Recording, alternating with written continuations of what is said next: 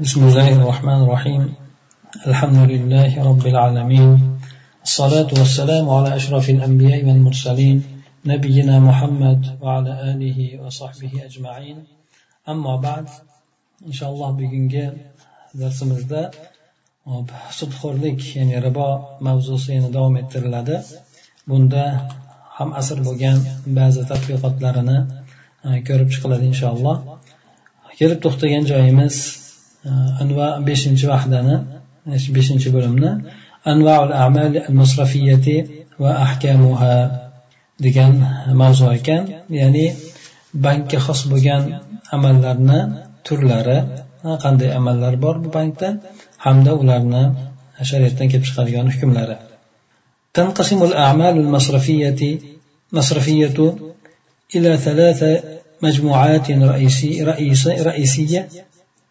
المجموعة الأولى مجموعة الخدمات المصرفية ويقصد بها تلك الأعمال المتعلقة بالنقود وأعمال الصيرفة الاعتيادية من حوالات وصرف لعملات وتحصيل شيكات تحصيل شيكات ونحو ذلك. ومن أهم هذه الخدمات ما يأتي أولا الودائع الحسابات المصرفية bu yerda aytyaptiki bank xizmatlari asosan uch qismdan iboratdir uch qismga bo'linadi birinchi majmuasi bu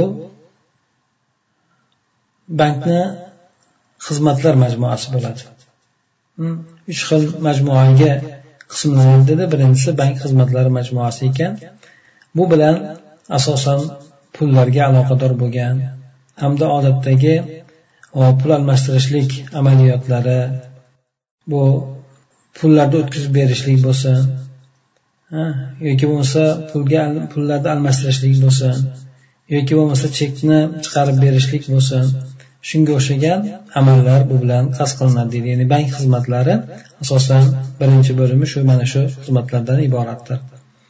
Bu xizmatlarni eng muhimi mana quyidagilar. Birinchisi hozirgi paytda bankka qo'yilgan omonat hisoblari.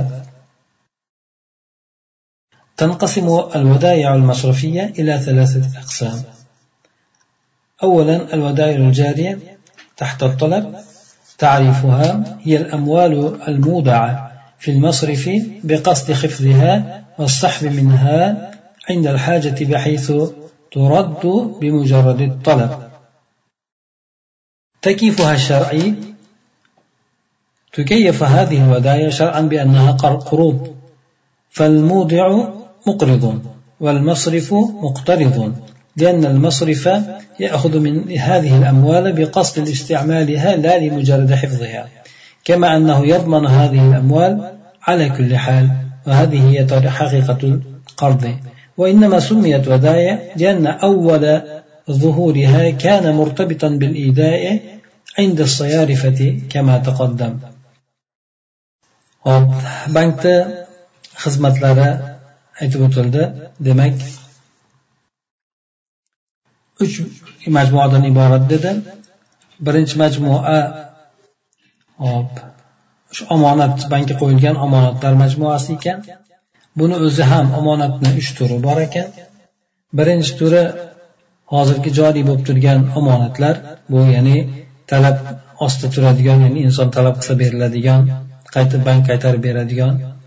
Alvada hozirgi hisob turgan omonatlar buni tarifi bu bankka uni saqlab berishlik maqsadida hamda hojat bo'lib qolgan paytda undan bankdan olishlik maqsadida qo'yiladigan mollar ekan. Bu shunday haysiyatda shunday holatda bo'ladiki talab qilingan paytni o'zida o'sha bankdan o'sha pullari qaytarib beriladi. Mana shunaqangi maqsadda qo'yiladigan joriy hisoblar yoki omonatlar. Buni shar'iy holat qanday bo'ladi hukmi qanday bo'ladi?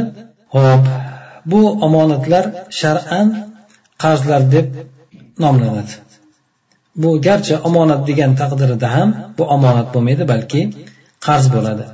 Omonatga qo'ygan odam u qarz berayotgan odam bo'ladi. Bank esa qarz oluvchi odam bo'ladi. Sababi nimaga desa sababi bank bu mollarni saqlashlikni o'zi uchun emas balki ishlatishlik maqsadida oladi. Yana bu mollarda har qanday holatda ham bank to'lab beradi. Mana shu esa haqiqatni E, qarzni haqiqatida qarz mana shuningdek bo'ladi. Ya'ni insonga berilgan qarz mana pastda aytib o'tadi omonat bilan qarzni o'rtasidagi farqlarni. Demak bu bankka qo'yilgan garchi omonat deb nomlansada bu narsa qarz deb e'tibor qilinar ekan. Buni omonat nimaga endi omonat deb nomlangan? Omonatlar deb nomlangan bu narsani. Chunki bu ishlarni avvalgi ko'rinishida bu o'sha bank e, ya'ni o'sha pulni almashtirib bergan odamlarni puldan shug'ullanadigan odamlarni oldida omonat qo'yishlik bilan bog'liq bo'lgan bu avvalgi o'sha birinchi kelib chiqqan paytida shuningdek bo'lgan edi الفرق بين القرض والوديعة يختلف القرض عن الوديعة من ثلاثة أوجه الأول أن القرض مضمون على الآخر المقترض على كل حال فيده يد ضمان بخلاف الوديعة فإنها غير مضمونة على الآخذ المودع على مودع إلا في حال تعديه أو تفريطه فيده يد أمانة. والثاني أن المقترض مأذون له باستعمال مبلغ القرض. بخلاف الوديعة فإن المودع يحفظ الوديعة ولا يؤذن له باستعمالها. والثالث أن محل القرض في الأشياء التي تستهلك بالاستعمال ولهذا كان الواجب فيه رد البدل لا عين المال المقترض مقترض. بخلاف الوديعة فإن الواجب فيه أن ترد الوديعة بعينها. أو إن قرض بلان أمانة نورتسيك فرق لها قرض أمانة 3 حالتة 3 نرسدة فرق لها birinchidan qarz olgan odamni ustida ya'ni qarz so'ragan odamni ustida har qanaqangi holatda ham zamonat zamonlangandir ya'ni kafolatlangandir. U to'lab beriladigan ya'ni o'rni qoplaniladigan narsa bo'ladi. Birov birovga qarz beradigan bo'lsa qarz olgan odam har qanday holatda ham qarzini to'lab berishlik kerak bo'ladi. Uni qo'li to'lab berishlik qo'li bo'ladi. Ya'ni biron narsa bo'ladigan bo'lsa albatta to'lab beradi. Bu omonatni xilofidadir endi. Buni omonat desa buni aksidir. Chunki omonat bu omonat qo'yilgan odamga odamni ustida to'latib berilmaydi. Illo faqatgina o'sha omonat qo'yilgan odam tajovuz qilgan bo'lsa yoki unda haddan oshgan bo'lsa yoki hadda loqaydlik qilgan bo'lsa mana shunday o'rinda endi u odam to'lab beradi.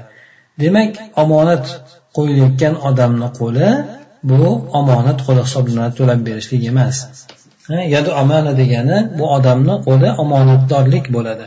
Ya'ni bu odam molga biron narsa oladigan bo'lsa to'lab bermaydi. Faqatgina omonatni ushlab turganligi bo'ladi xolos. Bu birinchi farqi.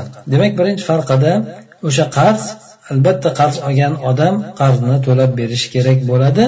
Hm? Har qanaqangi holatda ham omonatni qo'yganda esa omonat bu to'lab bermaydi. Omonat qo'yilgan odam illo unda tajovuz qilib haddan oshadigan bo'lsa omonat borasida yoki loqaydlik qiladigan bo'lsa shundan yo'qolgan bo'lsa masalan bunda to'lab beradi. Bo'lmasa to'lab bermaydi. Ikkinchi farqi qarz olgan odam uchun o'sha qarz mablag'ini ishlatishlikka ruxsat beriladi. Ya'ni birovdan qarz olgan bo'lsa albatta u qarzni ishlatishlikka ruxsat beriladi. Bu yerda omonatni xilofi endi omonatni aksida bu narsa. Chunki omonat qo'yilgan odam o'sha qo'yilgan omonatni saqlaydi. Uning uchun omonatni ishlatib yurishlikka ruxsat berilmaydi. Demak omonatni omonat o'rnida qabul qilib o'shani omonatdek saqlab qo'yishligi kerak bo'lar ekan. Qarz esa uningdek emas qarz ishlatilishlik uchun olinadigan mablag'dir. Uchinchisi qarzni mahalli bu ishlatishlik bilan ishlatilib ketadigan narsalarda bo'ladi. Oriyat bor bu birov ishlatib qaytarib beradigan narsa bor. Bu oriyat bo'ladi. Masalan aytaylik birovni bir qozonni olib turadigan bo'lsa bu oriyatga olib turiladi qarz emas. Qarz oriyat deganda inson ishlatib turib qaytarib berishlik uchun bo'ladi. Qarz esa ishlatib turib yevariladigan narsa uchun ya'ni o'zida ishlatib yuboradigan narsa uchun keyin o'rniga uni badalini beradi. Shuning uchun deydi u o'sha qarz olingan molni ayni o'zini emas balki badalni berishlik vojib bo'ladi. Omonatni xilofida endi. Bu yerda omonatda vojib bo'lgan narsa omonatda aynan o'zini qaytarilishligi bo'ladi. Odam bir omonat bir narsani omonatga bergan bo'lsa albatta o'sha narsani omonat hattoki pulni bergan taqdirda pulni bersa ham o'sha pulni o'zini qaytarishlik kerak bo'ladi. Ha bu omonat bo'ladi. Masalan bu yerda bir olib ko'radigan bo'lsak birovni qo'liga omonat topshirildi. Masalan ming dollardan omonat berdi u odam yaxshi olib kirib joylab qo'ydi endi. Bir o'g'ri tushdi o'g'irlab ketib qoldi. Bu odam javob bermaydi endi. To'lab bermaydi. Qarz olgan bo'lsa to'lab berar edi. Demak omonat olganligi uchun to'lab bermaydi. Sababi bu odam tajovuz qilgani yo'q loqaydlik qilgani yo'q. Shuning uchun maqsad saqlab berishlik bo'lgan. Shundan odamni qo'ldan g'oyri ixtiyoriy suratda ketib qoladigan bo'lsa kamchilikka yo'l qo'ymagan holatida bunda to'lab bermaydi endi. Hukma endi. Bu qo'yilgan omonatlarni bankka qo'yilgan qarzlarni hukmi. Demak bu bankka qo'yilgan qo'yiladigan bu qarzlar yoki omonatlar ikki shart bilan joiz bo'ladi. Ikki holatda joiz bo'ladi. Birinchisi omonat qo'yilayotgan omonat qo'yilayotgan odam yoki omonat qo'yayotgan odam o'sha qo'ygan omonatini muqobilda hech qanaqangi foydani olmaydi. Birovga omonat qo'yayotgan bo'lsa omonat qo'yganligiga foyda olmaydi. Bu yerda foyda o'sha omonatni qiymatidagi ziyoda bo'ladimi?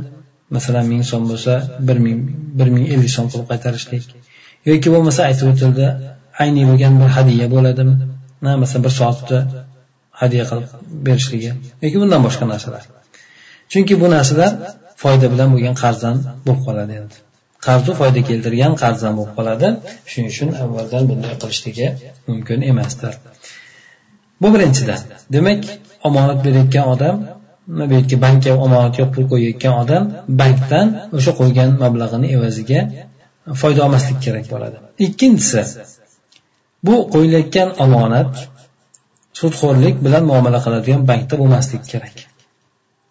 Sababi bu narsada gunoh ustida o'sha odamga yordam berishlik bo'ladi. Shuning uchun bank bilan muomala qiladigan E, ribo bilan muomala qiladigan banklarga qo'yilmaslik kerak omonat. Omonatni qo'yib bankka qo'yadigan odam o'shanga bir hojat hojati bo'lishi kerak yoki zarurat bo'lishi kerak. O'sha bankni ham ana undan keyin sudxo'rlik bilan muomala qilmaydigan aytaylik islomiy bankka qo'yish kerak bo'ladi. Hamda qo'ygan mablag'iga hech qanaqangi foyda olishligi mumkin bo'lmaydi. shu ikkita sharti bor ekan ikkinchisi bu birinchisi demak hozirda hisob joriy bo'lib turgan hisobdagi e, omonatlar yoki qarzlar bankka qo'yilgan pullar to'g'risida gapirildi ikkinchisi al vadayul ajila تعريفها هي الأموال المودعة في المصرف بقصد استثمارها وتكون مرتبطة بأجل بأجل حي بحيث لا يجوز لأصحابها السحب منها إلا بعد انقضاء الأجل المتفق عليه. ثالثا الودائع الادخارية. هي ودائع تجمع خصائص النوعين السابقين إذ يحصل صاحبها على فائدة كما يستطيع أن يصحب منها متى شاء. hop ikkinchi turi bu kelajakka qo'yilgan omonatlar endi ya'ni hozir bir muddatni belgilab turib qo'yilgan omonatlar. Bu bankka uni ishlatishlik maqsadida qo'yilgan mablag'lar pullar bo'ladi.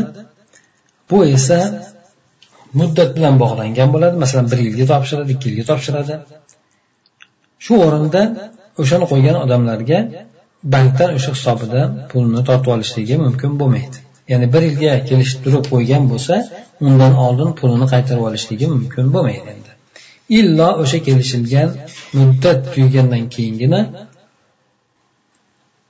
olishligi chiqarib olishligi mumkin bo'ladi. Undan oldin esa mumkin emasdir.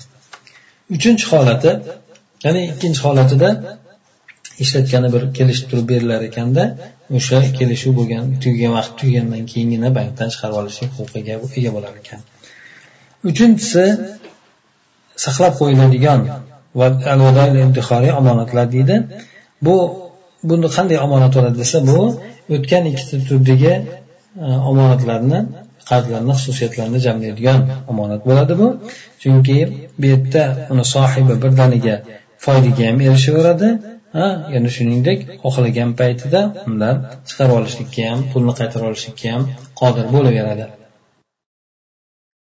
ولهذا فإن الفائدة على هذه الودائع يسيرة جدا لأن مبلغ الوديعة لا يخصص كله للاستثمار بل يحتفظ بجزء كبير منه لمواجهة احتمالات السحب المفاجئة. وفي العادة فإن المصارف تعطي المودع فائدة على أدنى رصيد للوديعة فلو كان الرصيد في أول الشهر عشرة آلاف ريال ثم سحب منه العميل في وسط الشهر فنقص إلى ألفين ثم أودع فيه في آخر الشهر فزاد إلى ثمانية فإن الفائدة الشهرية تحسب على اعتبار أن الوديعة لم تتجاوز ألفي ريال. shuning bu qo'yilgan omonatlarga oladigan foyda ham judayam oz bo'ladi. Ya'ni xohlagan paytda ishlatishga beradi lekin xohlagan paytda tortib olishlik huquqi chiqarib olishlik huquqi bilan bo'lgan hisob raqamlarda endi oladigan bo'lsa juda ozgina foydagina beriladi xolos bu narsalarga. Chunki omonat mablag'i bu yerda hammasi o'shani ishlatib ishlatishlikka xoslanmaydi. Ya'ni tijoratga qo'yib yuborishlikka xoslanmaydi balki undan katta bir bo'lagini hop to'satdan tortib olishlik ehtimollatlari bo'lganligi uchun shularni oldini olish maqsadida saqlab qo'yiladi.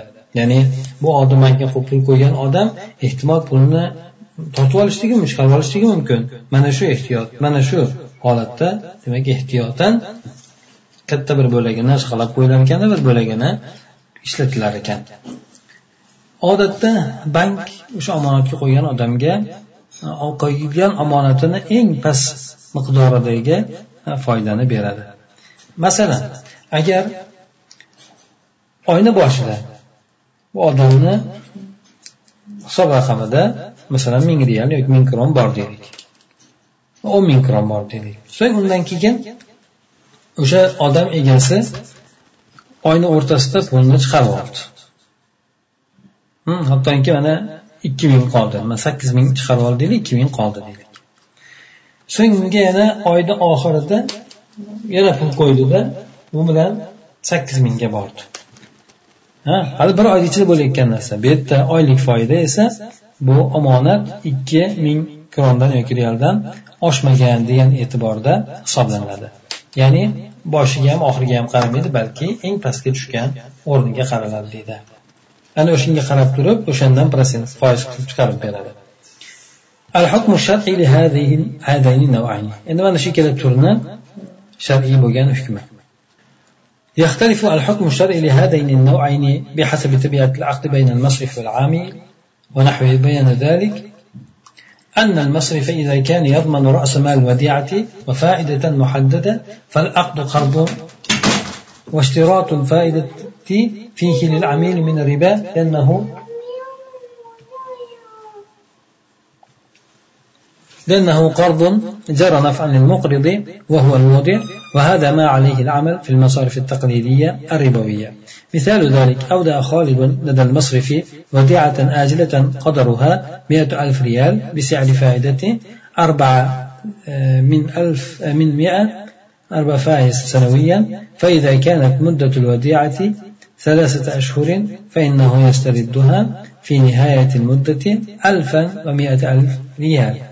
أما إذا كان المصرف لا يضمن رأس المال ولا ربحا محدودا فالعقد مضاربة والربح جائز وهذا هو ما عليه الأمل في المصارف الإسلامية وتسمى الودائع. الاستثمارية.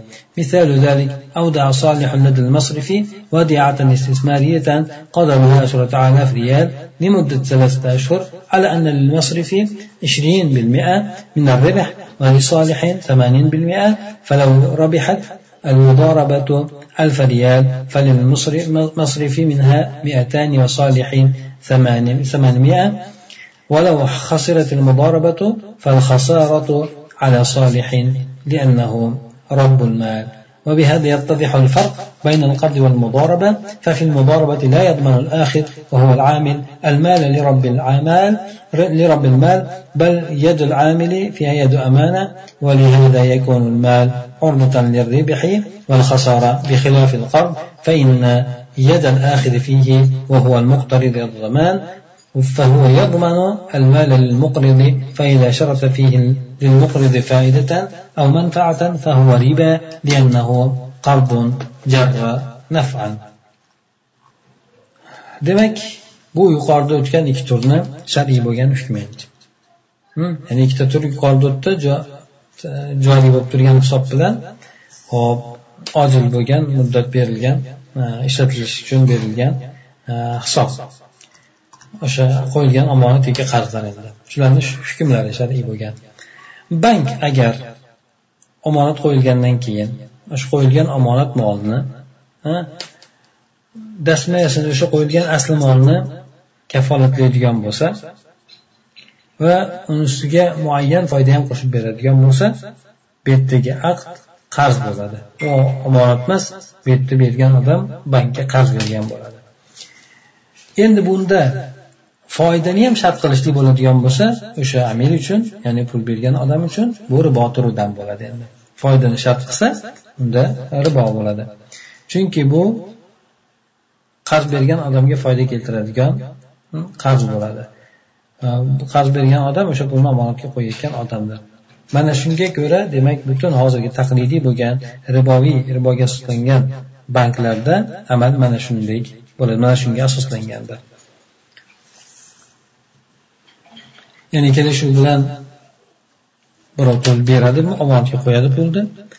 Bunda o'sha qo'ygan pulni aslini dastmoyasini bank saqlab beradi. Shu bilan birgalikda uni ustiga foydani belgilab beradi. Mana bu narsa demak sudxo'rlikdir.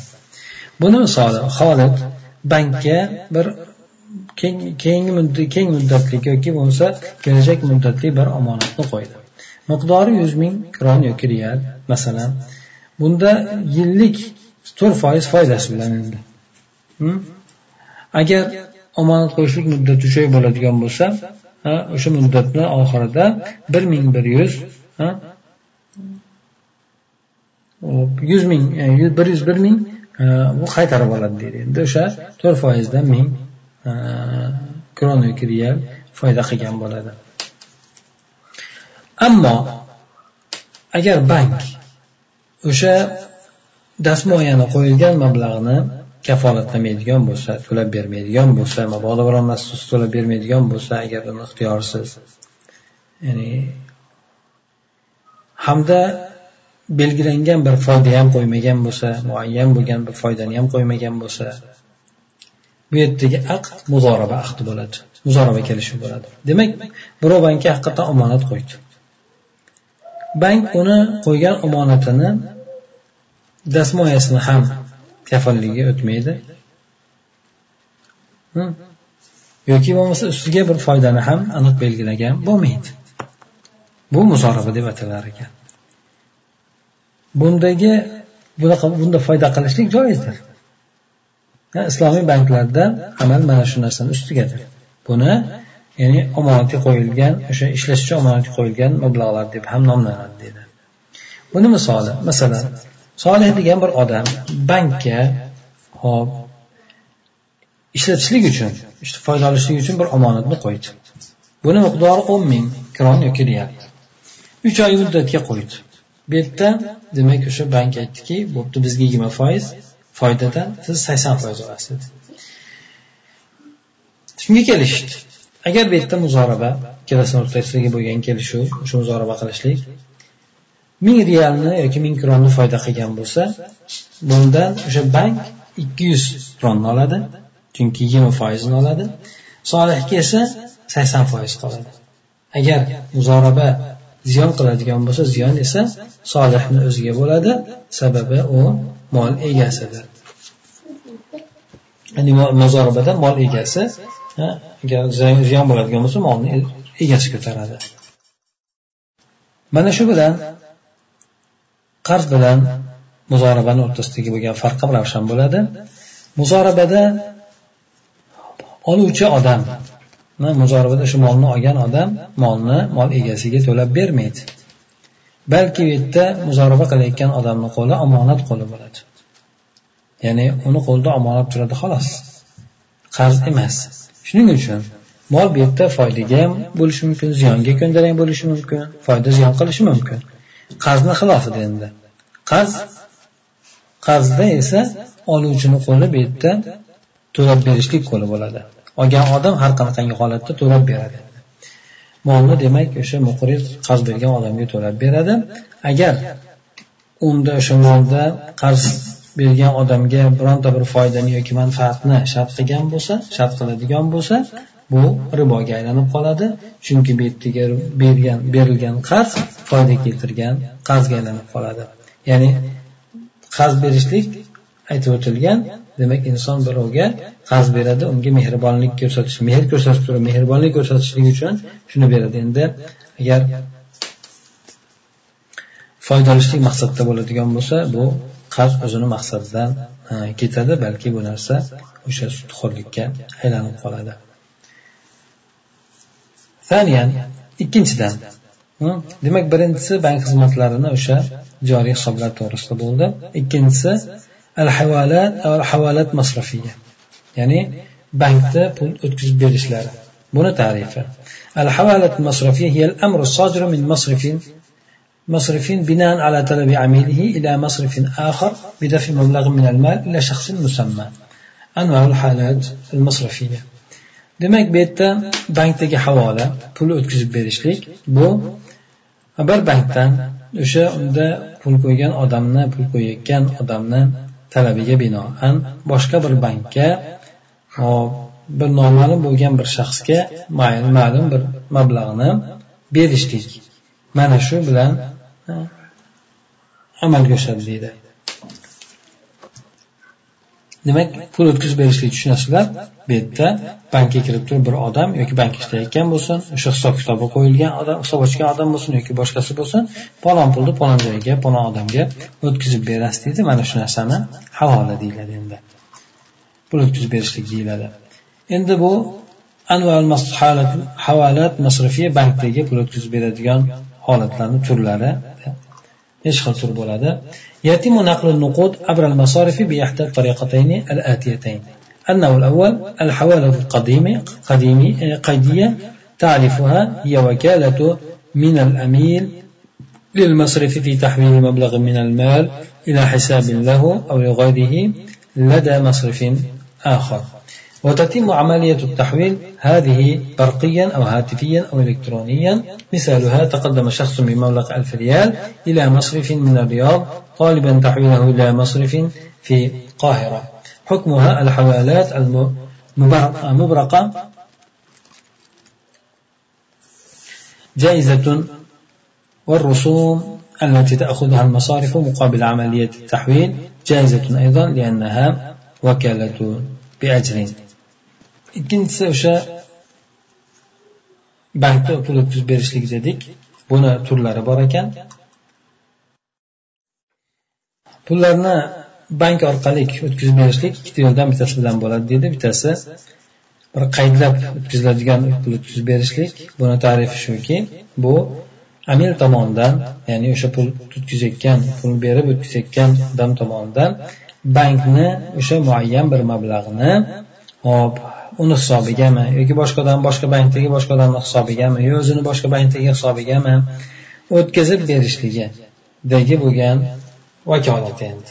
Ya'ni bankka pul topshirib siz o'tkazib bering deb bankni vakil qiladi. Hop yo'q meni hisobimga o'tkazib bering deydi yoki boshqa hisob boshqa odamni hisobiga o'tkazib bering deb bankni vakil qiladi. Bu pul o'tkazib berishlik amaliyoti telegram orqali mana shunaqangi tez suratda yoki telefon orqali elektron holatda o'tishligi mumkin endi. Buni misoli bir odam ming dollar mablag'ni riyozdagi masalan bir bankka taqdim qildi. Bankka keldi ming dollardan berib turib shuni qohiradagi ya'ni misrdagi bir bankka o'tkazib berishligini talab qildi. Buni hukmi bunaqa suratdagi bo'ladigan bank pul o'tkazib berishligi joizdir. Bu yerda bank o'sha pul o'tkazib berishlik amaliyotini muqobilida oladigan e, nimalar ham e, pullar ham yoki bo'lmasa o'shanga beriladigan o'shanga oladigan xizmat haqilari ham bu narsa joiz bo'ladi. Chunki bu yerda bu narsa ajr bilan berilayotgan vakolat bo'ladi endi. Ya'ni ajr degani pulga qilinayotgan ish bo'ladi endi. Anaqa bering men buncha beraman deb turib qilinayotgan ish bo'ladi. حوالات لا يعني أن لها حكم الحوالات بمعناها الشرعي لأن الحوالة الشرعية فيها إرفاق بالمحيل ولهذا يكون طلب التحويل منه فهو الذي يطلب من الدائن تحول إلى المحال عليه بينما هي في الحالات حوالات المصرفية يكون طلب التحويل من الدائن المحال وأيضا فالحوالة شرعا يلزم أن يكون فيها دينان يسبقان الحوالة دين للمحال في ذمة المحيل ودين للمحيل في ذمة المحال عليه.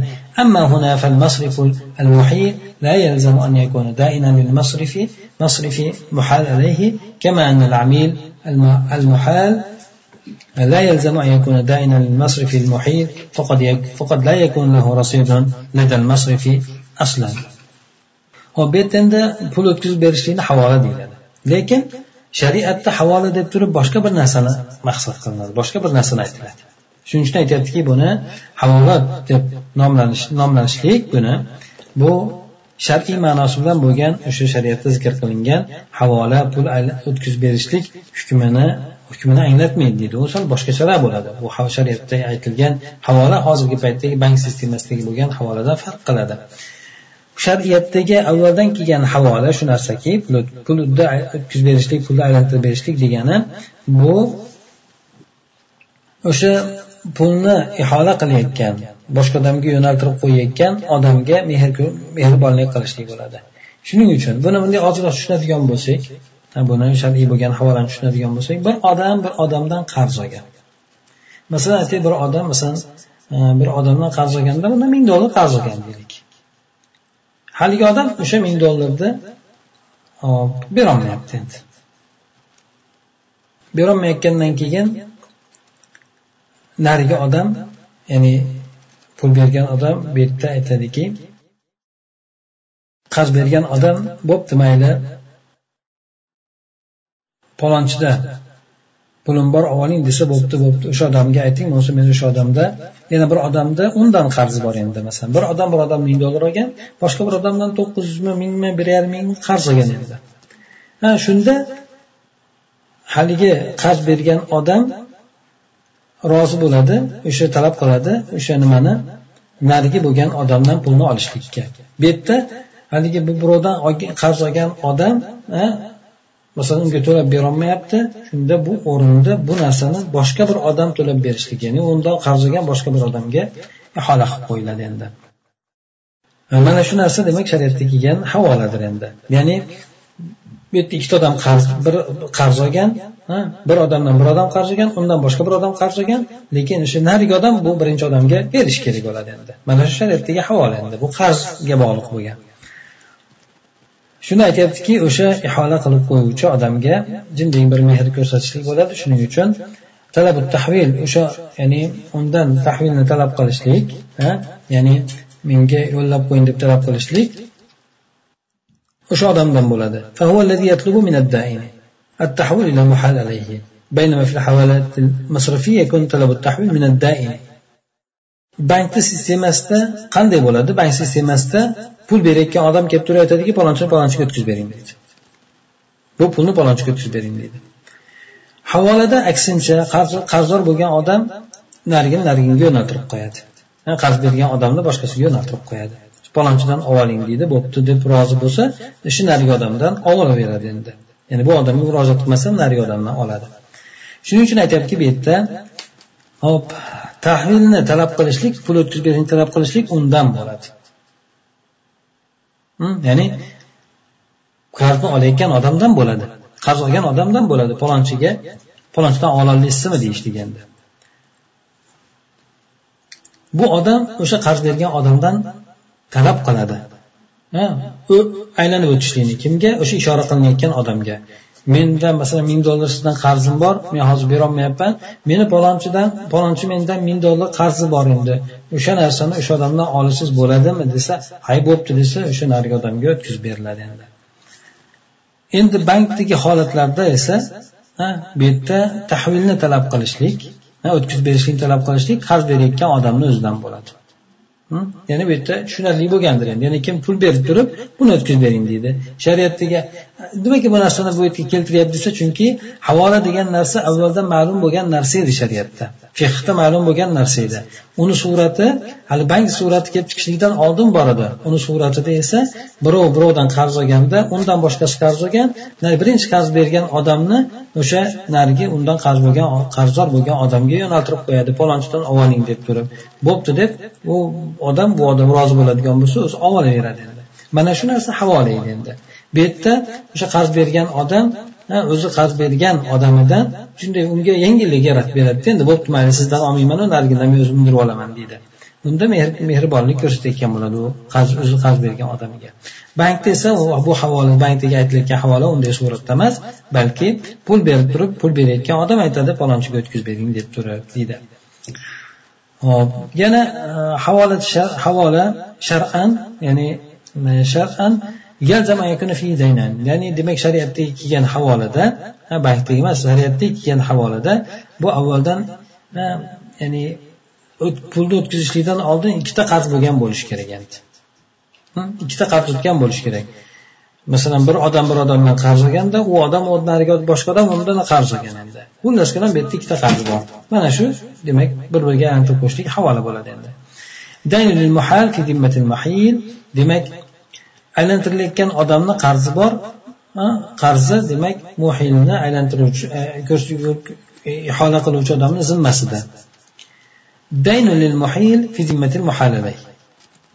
Ya'ni ihola qilayotgan ya'ni yo'l yo'llab qo'yayotgan odam uchun o'sha ihola qilayotgan odamni zimmasida qarz bor. Ya'ni bunday aytib uchta odamni aytadigan bo'lsak ahmad muhammad zayd bo'lsa ahmad zaydga pul bergan zayd ahmadga pul bergan.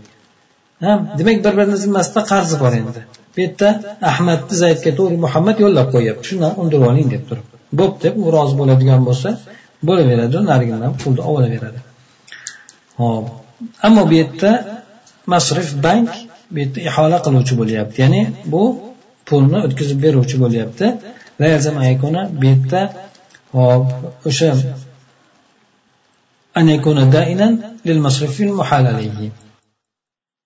o'zi o'tkazib berayotgan boshqa bir bankka qarzdor bo'lmasligi mumkin. Bo'lishligi lozim bo'lmaydi. Hm? Masalan birov kelib turib ahmad kelib turib bankka aytdida meni palon bankka pul o'tkazib bering dedi. Bo'pti dedi. Ha o'tkazib beryapti. Lekin bu bank u bankka qarzdor bo'lmasligi mumkin. Chunonchi masalan amin. Ya'ni o'sha pulni olib kelib o'tkazib bering deyotgan odam ham hop o'sha o'tkazib berayotgan bankka qarzdor bo'lmasligi bo'lishligi ham lozim bo'lmaydi. Uni umuman o'sha bankda e, bir hisob raqami ham bo'lmasligi mumkin. To'g'ri bir odam ko'chadagi bir odam kelib turib bankka kirib turib pul o'tkazishligi mumkin. Xullas kalom demak bu yerdagi hop havola bankdagi bo'lgan havola shariatdagi bo'lgan havoladan farq qiladi. Shariatdagi bo'lgan havola joiz deb aytilgan ha agar u Э, qarzni birinchi bergan odam boshqa odamdan olishlikka rozi bo'ladigan bo'lsa endi bankdagi bo'lgan havola esa bu boshqa bir havola ekanki bu yerda albatta hop o'ziga yarasha holatlarni rioya qilishi kerak. Bu ham pulni o'tkazib berishlik joiz lekin buni inshaalloh pastda nimasini aytib o'tsa kerak e, qanday holatda shartlari bo'lishligini toinki u joiz bo'lishligi uchun. Shu yergacha bo'lar bo'lmasa.